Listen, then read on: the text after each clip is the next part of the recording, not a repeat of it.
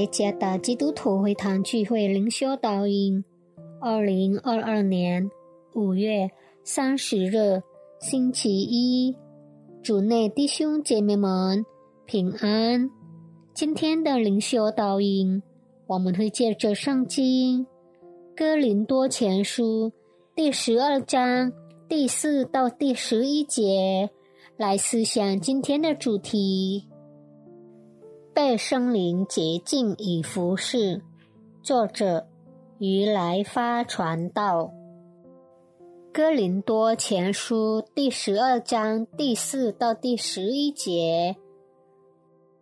恩赐原有分别，圣灵却是一位；执事也有分别，主却是一位；功用也有分别。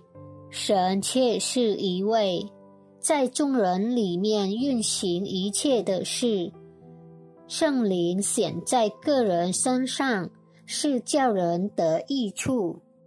这人蒙圣灵赐他智慧的言语，那人也蒙这位圣灵赐他知识的言语。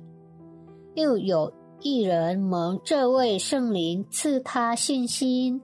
还有一人蒙这位圣灵赐他一病的恩赐，又叫一人能行异能，又叫一人能做先知，又叫一人能辨别诸灵，又叫一人能说方言，又叫一人能翻方言。这一切都是这位圣灵所运行。随几亿分给个人的，在足球比赛中，场上的所有球员都有自己的责任。有一个前锋进攻，他的任务就是进球；中场负责设定比赛的节奏。防守作为对手进攻的屏障，以免接近球门柱；还有一个守门员作为最后一道屏障，将球挡在门外。如果每个人都想成为守门员，足球比赛将一团糟。如果每个人都想成为一名前锋，看足球就不再好玩。足球变得有趣，是因为每个球员都扮演一个角色，并尽可能发挥赋予他的责任。圣灵圣化我们，然后赐给我们属灵的恩赐。每个人的属灵恩赐都是不同的，因此在侍奉上帝的过程中，可以相得益彰。例如，用智慧说话的恩赐，用知识说话的恩赐，以及治愈的恩赐，还有行神迹的恩赐。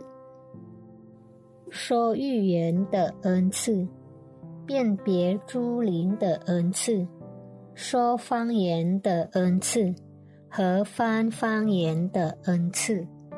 作为领受上帝属灵恩赐的子民，我们被呼召在任何地方侍奉上帝，包括在教会中。属灵恩赐。不应该因认为一种恩赐大于另一种而造成分裂，就像踢足球一样。会众中不同的属灵恩赐必须相辅相成，才能侍奉神，成为祝福，荣耀神。每个信徒都被圣灵圣化。并被赐予属灵的恩赐，我们必须为属灵的恩赐感恩，用它来服侍神，为神工作。今天神的教会需要我们的侍奉，我们有参与侍奉吗？还是我们太忙于自己的工作和事业？